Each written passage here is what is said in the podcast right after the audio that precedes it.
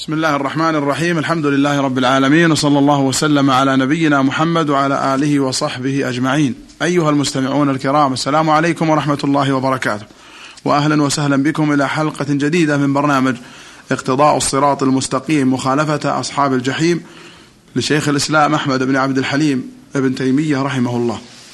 يشرح الكتاب في هذه الحلقات صاحب الفضيله الشيخ صالح بن فوزان الفوزان عضو هيئه كبار العلماء وعضو اللجنه الدائمه للافتاء.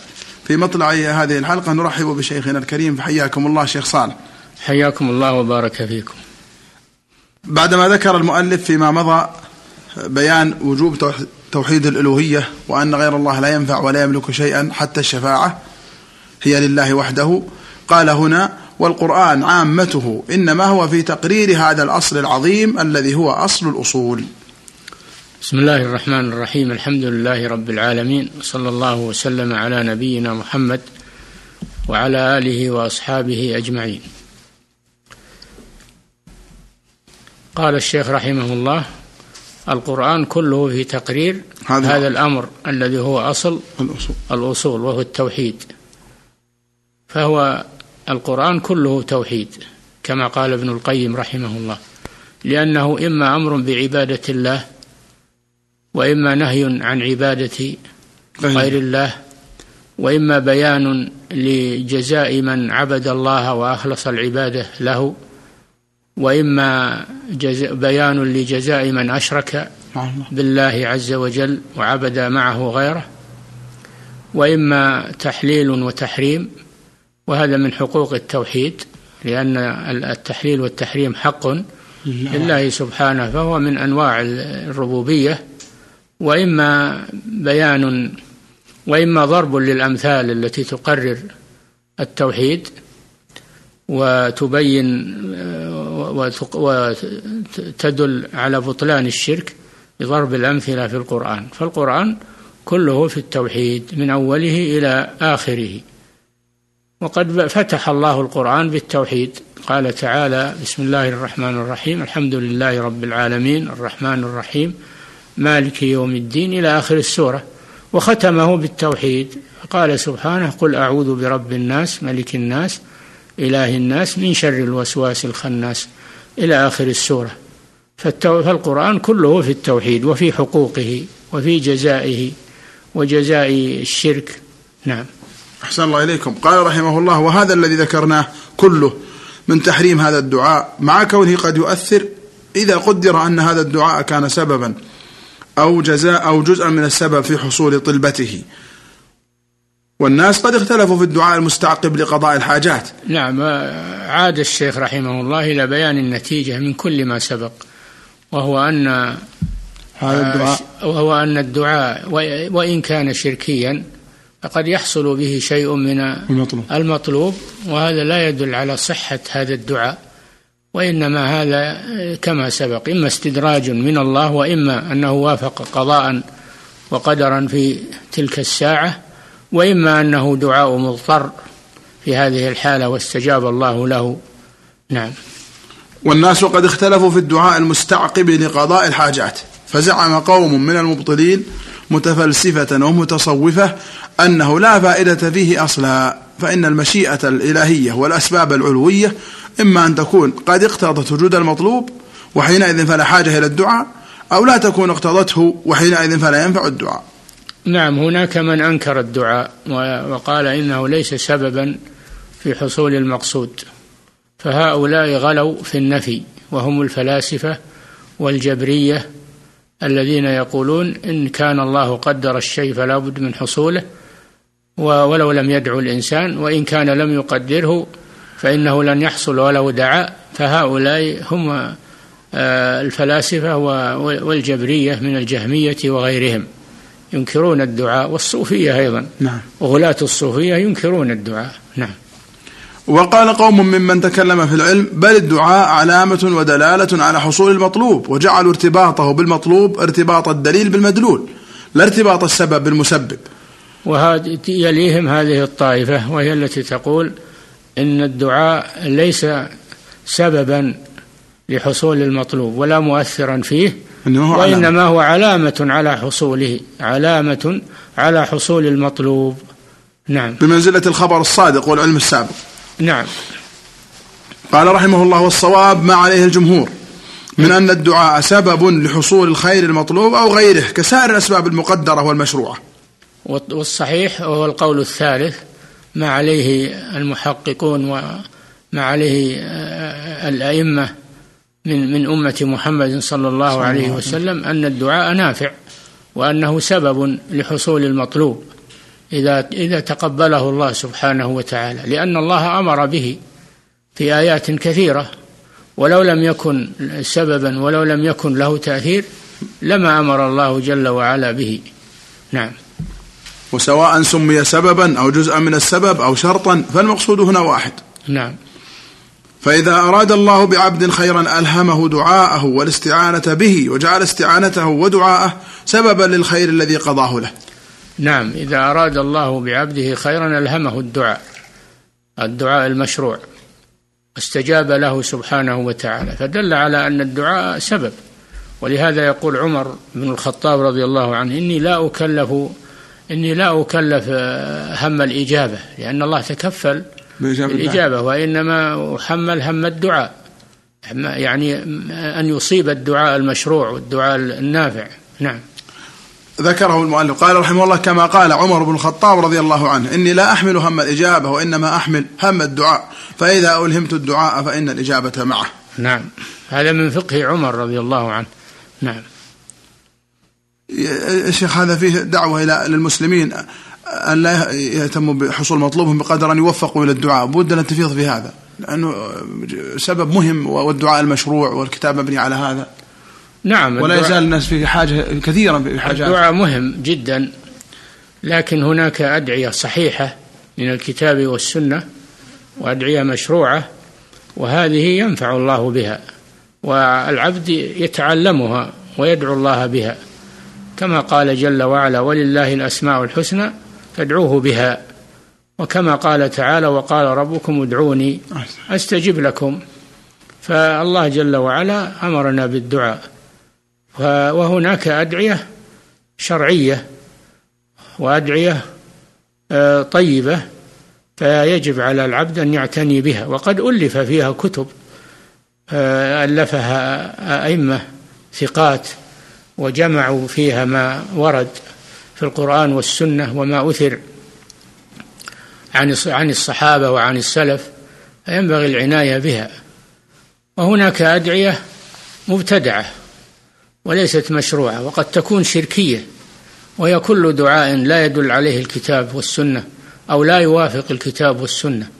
فيجب على العبد أن يحذر من هذه الكتب المؤلفة من مجاهيل ومن آه، دعاة ضلال يدسون فيها دعاء غير الله ويدسون فيها التوسل بالأولياء والصالحين وبالقبور فيجب الحذر من هذه الأمور. فالدعاء أمره آه، مهم جدا.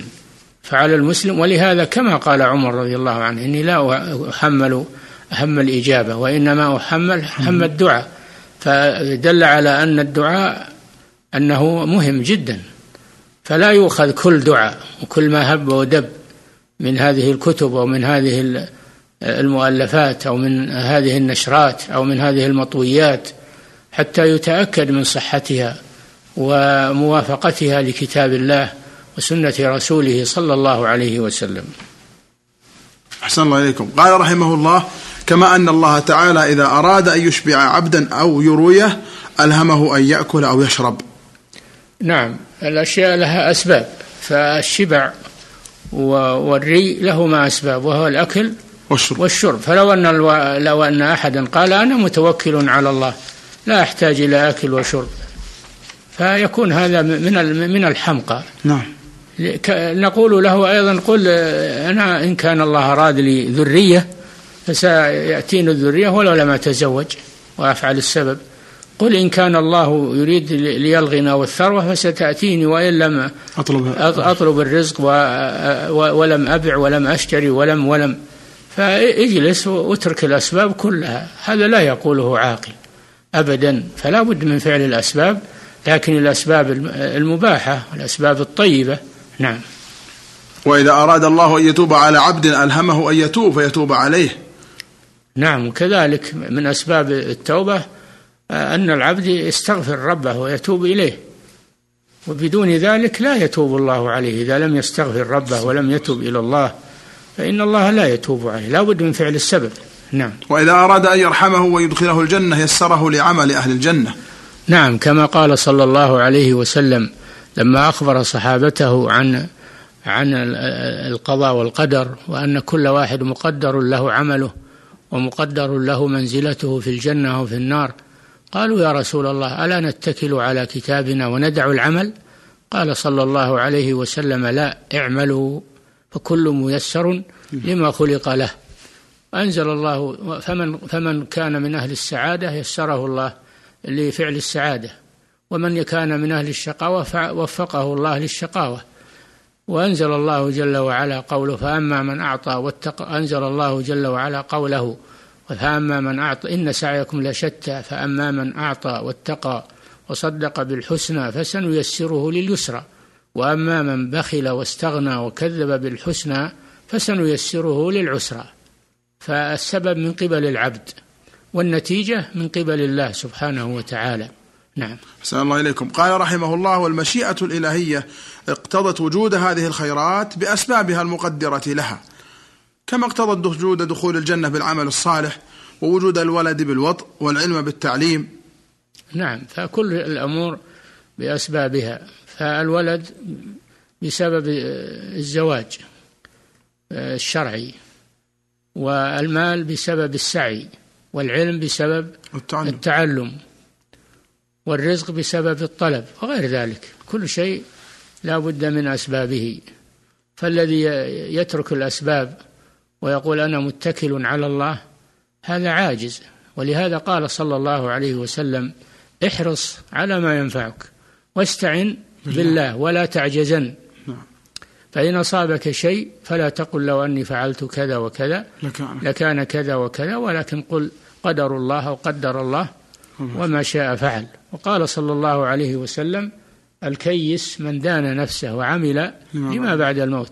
والعاجز من أتبع نفسه هواها وتمنى على الله الاماني فلا بد من فعل الأسباب النافعة المفيدة التي جعلها الله اسبابا. كما أن الجنة لا تدخل إلا بعمل. قال تعالى ادخلوا الجنة بما كنتم تعملون. والباء باء السببية وليست باء الثمن إنما هي باء السببية أي بسبب ما كنتم تعملون. أما الجنة فإنها لا تنال بالأثمان. جنة الجنة لا تنال بالأثمان وإنما هي فضل من الله جل وعلا. ولهذا قال صلى الله عليه وسلم لن يدخل أحد منكم الجنة بعمله. قالوا ولا أنت يا رسول الله. قال ولا أنا إلا أن يتغمدني الله برحمة منه وفضل. فالعمل سبب للجنة وبدون العمل لن يدخل الجنة لن يدخل الجنة بدون عمل. العاجز من أتبع نفسه هواها وتمنى على الله الأماني. نعم. أحسن الله إليكم. قال رحمه الله فمبدأ الأمور من الله وتمامها على الله. مبدأها من الله هو الذي يوفق العبد لفعل الأسباب وتمامها على الله هو الذي يعطي العبد النتائج على أسبابها التي فعلت. نعم. لا أن العبد نفسه هو المؤثر في الرب أو في ملكوت الرب بل الرب سبحانه هو المؤثر في ملكوته. الأمر بيد الله سبحانه وتعالى هو الذي يوفق عبده للعمل الصالح وهو الذي يثيبه وهو الذي يثيبه. فليس وليس العبد مؤثرا في الله أو في ملكوت الله وإنما هو يفعل اسبابا فقط. والأسباب قد تكون آه، جالبة لمسبباتها وقد تكون غير ذلك. وهذا راجع إلى الله جل وعلا. نعم. قال بل الرب سبحانه هو المؤثر في ملكوته وجاعل دعاء عبده سببا لما يريده سبحانه من القضاء. ولهذا من من وصف الله أن يقال مسبب الأسباب. نعم. كما قال رجل للنبي صلى الله عليه وسلم يا رسول الله أرأيت أدوية نتداوى بها ورقا نسترقي بها وتقا نتقيها؟ هل ترد من قدر الله شيئا؟ قال هي من قدر الله. نعم هذا الرجل سأل النبي صلى الله عليه وسلم. لما النبي صلى الله عليه وسلم بين أن الأمور بيد الله قال هذا الرجل أرأيت رقا نسترقي بها و أدوية نتداوى بها. وأدوية نتداوى بها. هل ترد من قضاء الله شيئا؟ قال هي من قضاء الله. فإذا أراد الله لك الشفاء وفقك للدواء النافع ويسر لك التداوي به. وإذا أراد الله لك السقم فإنك تترك الدواء وتترك الأسباب. النافعة. النافعة نعم. وعنه صلى الله عليه وسلم قال إن الدعاء والبلاء ليلتقيان فيعتلجان بين السماء والأرض. نعم لا يرد القضاء إلا الدعاء. هناك هناك مقادير مقدرة على أسباب. إذا حصلت الأسباب حصلت هذه المقادير. المقادير. وإذا لم تحصل الأسباب لم تحصل المقادير. فأنت إذا طلبت الرزق أو تعالجت بالأدوية أو تزوجت أنت فعلت الأسباب والنتائج عند الله جل وعلا. ومن ذلك الدعاء. فقد تدعو ولا يحصل لك المطلوب. وقد تدعو ويحصل لك المطلوب. مع أن مع أن الحالين واحد. أنت دعوت وفلان دعا مثلك فلم يحصل له المطلوب. وأحيانا يحصل ما السبب في هذا؟ دل على أن الأمر بيد الله. سبحانه وتعالى. لا ليس السبب هو الموجب. نعم. وإنما هذا من الله جل وعلا. نعم. قال فهذا في الدعاء الذي يكون سببا في حصول المطلوب. نعم. وأعلى من هذا ما جاء به الكتاب والسنة أن رضا الله وفرحه وضحكه بسبب أعمال عباده الصالحة كما جاءت به النصوص وكذلك غضبه ومقته. وقد بسطنا الكلام في هذا الباب وما للناس فيه من المقالات والاضطراب. نعم كما أن الله جل وعلا يضحك ويرضى ويغضب ويكره بسبب أعمال عباده. كما قال سبحانه وتعالى إن تكفروا فإن الله غني. فإن الله غني عنكم وإن تشكروا يرضه لكم. ولا يرضى لعباده الكفر. وكما قال في الحديث إن الله يضحك من قنوط عباده. وقرب, وقرب غيره ينظر إليكم أزلين قنطين فيظل, فيظل يضحك. يعلم أن فرجكم أو فرحكم قريب. فهو سبحانه يعجب من أفعال عباده ويضحك من أفعال عباده ويغضب من أفعال عباده. نعم. يعني الربط بين هذا من من أفعال الله تعالى وبين الدعاء؟ نعم. سياق المؤلف لهذا. قال أعلى من هذا ما جاء به الكتاب والسنة أن رضا الله وفرحه وضحكه بسبب أعمال عباده الصالحة. أي ومنها الدعاء. الدعاء من أعمال. قد يكون يعني من, من أسباب الرضا أو غضب. نعم نعم. فما فرض من الأدعية المنهي عنها سببا فقد تقدم الكلام عليه. نعم. فأما غالب هذه الأدعية التي ليست مشروعة فلا تكون هي السبب في حصول المطلوب ولا جزءا منه. نعم الدعاء إذا لم يكن مشروعا فإنه لا يكون سببا في حصول المطلوب لأن الله لم يجعلها أسبابا وما دام لم يجعلها أسبابا فلن يحصل المطلوب بها. وإن حصل في بعض الأحيان وفي النادر فإنما هو استدراج من الله جل وعلا كما سبق. نعم. قال فلا تكون هي السبب في حصول المطلوب ولا جزءا منه ولا يعلم ذلك بل يتوهم وهما كاذبا كالنذر سواء. فإن في الصحيح عن ابن عمر عن النبي صلى الله عليه وسلم أنه نهى عن النذر وقال إنه لا يأتي بخير وإنما يستخرج به من البخيل. النذر هو الالتزام أن يلتزم الإنسان عبادة لم تجب عليه بأصل الشرع كان ينظر ينذر أن يصوم أن يتصدق أن يحج أن يعتمر. فيظن بعض الناس أن السبب الذي حصل الخير لصاحبه من ولد أو رزق أو غير ذلك أنه بسبب النذر وليس الأمر كذلك. فالنذر ليس سببا لا في جلب خير ولا في دفع شر. ولهذا قال صلى الله عليه وسلم إن النذر لا يأتي بخير الله. وإنما يستخرج به من, من البخيل.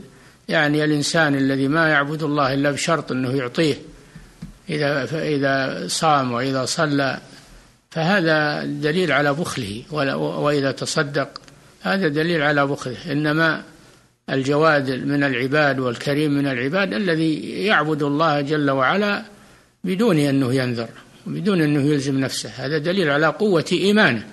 أما الذي لا يفعل الخير إلا إذا نذر هذا دليل على ضعف إيمانه وعلى بخله. نعم, نعم. وعن أبي هريرة عن النبي صلى الله عليه وسلم قال إن النذر لا يقرب من ابن آدم شيئا لم يكن الله قدره له ولكن النذر يوافق القدر فيخرج بذلك من البخيل. ما لم يكن البخيل يريد أن يخرج. رواه مسلم. نعم فالنذر إنما هو سبب من الأسباب لا يكون مقتضيا للمطلوب إلا إذا الله جل وعلا قبله ورتب عليه أو صادف قضاء وقدرا من الله جل وعلا. نعم.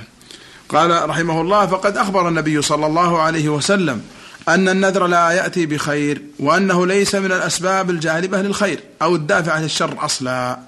وإنما نعم. يوافق القدر. وإنما يكون سببا أو يكون موافقا لقدر قدره الله في هذا الوقت فظن الظان أن هذا سببه النذر وإنما سببه القضاء والقدر. نعم. يعني هذا ربط بين أن ينذر العبد فيحصل ما يريد وبين أدعية غير مشروعة يفتن بها العبد فيحصل له ما يريد. نعم. قال وإنما يوافق القدر موافقة كما توافقه سائر الأسباب. نعم. فيخرج من البخيل حينئذ ما لم يكن يخرجه قبل. قبل ذلك. نعم.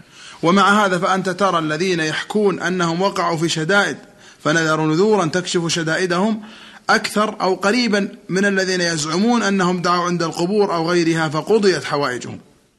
نعم ولهذا الذي يعتمد على النذر ويظن أن نذره هو الذي سبب له حصول المطلوب هذا شبيه بمن يعبدون غير الله عند القبور ويظنون أن أصحاب القبور هم الذين جلبوا لهم هذا الشيء. فهو شبيه بهم من هذا الوجه. نعم. بل من كثرة اغترار المضلين بذلك صارت النذور المحرمة في الشرع مآكل لكثير من السدنة والمجاورين والعاكفين عند بعض المساجد وغيرها. اعتماد الناس على النذور واعتقادهم أنها تجلب لهم الخير سبب أن عباد القبور ينذرون لها نذورا كثيرة وأموالا وفيرة وجعلوا لها صناديق صناديق النذور.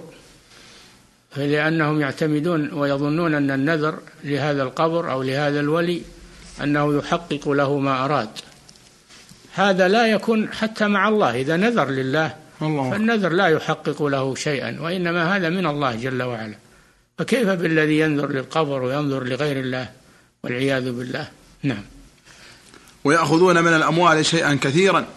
وأولئك الناذرون يقول أحدهم مرضت فنذرت. وهذه القبور وهذه الأضرحة وما يردها من الأموال هذه أصبحت موارد لبعض الدول. نعم. أصبحت موارد مالية لبعض الدول. نعم. نسأل الله العافية. ما شاء الله. وهي حرام وشر ومكسب خبيث ومع هذا يقرونها ويطورونها ويجعلونها من موارد بيت المال. نعم. وأولئك الناذرون يقول أحدهم مرضت فنذرت ويقول آخر خرج علي المحاربون فنذرت ويقول آخر ركبت البحر فنذرت ويقول الآخر حبست فنذرت ويقول الآخر أصابتني فاقة فنذرت.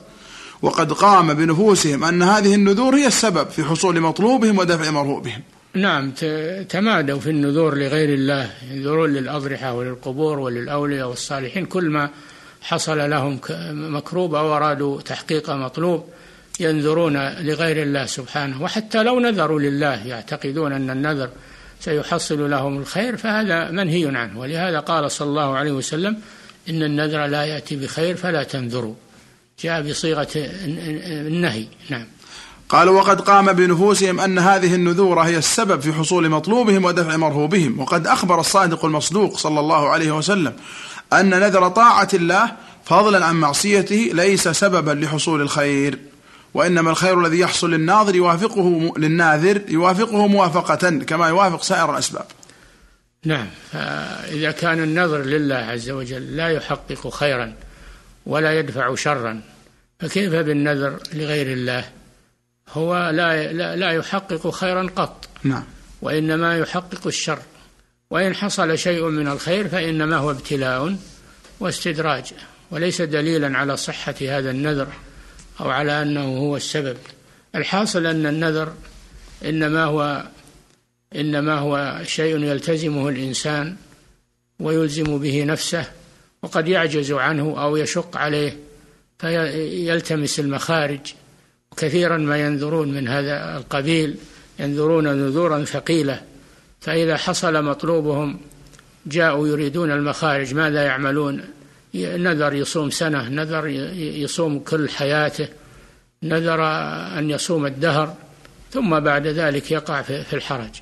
هذا من حكمة الرسول صلى الله عليه وسلم في قوله إن النذر لا يأتي بخير محذرا من النذر. فالإنسان في سعة نعم. قبل أن ينذر لكنه إذا نذر وجب عليه وألزم نفسه. فوقع في الحرج والضيق. فلذلك الإنسان يتجنب النذور. وأما إذا نذر وألزم نفسه وجب عليه ذلك.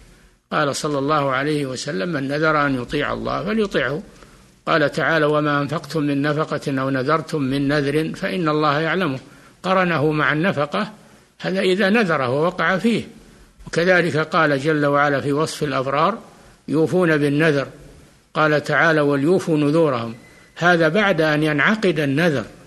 أما قبل أن ينذر فإنه يتجنب النذر. نعم. أحسن الله إليكم وجزاكم خيرا. أيها المستمعون إلى هنا نأتي إلى نهاية هذه الحلقة من برنامج اقتضاء الصراط المستقيم مخالفة أصحاب الجحيم مع صاحب الفضيلة الشيخ صالح بن فوزان الفوزان. شكر الله لشيخنا ما تكرم به من الشرح والبيان وشكر لكم حسن استماعكم ونفعنا وإياكم بما نقول ونسمع. هذه في الختام تحية أخي مهندس الصوت عثمان بن عبد الكريم الجويبر. حتى نلقاكم في الحلقة القادمة إن شاء الله. نستودعكم الله. والسلام عليكم ورحمة الله وبركاته.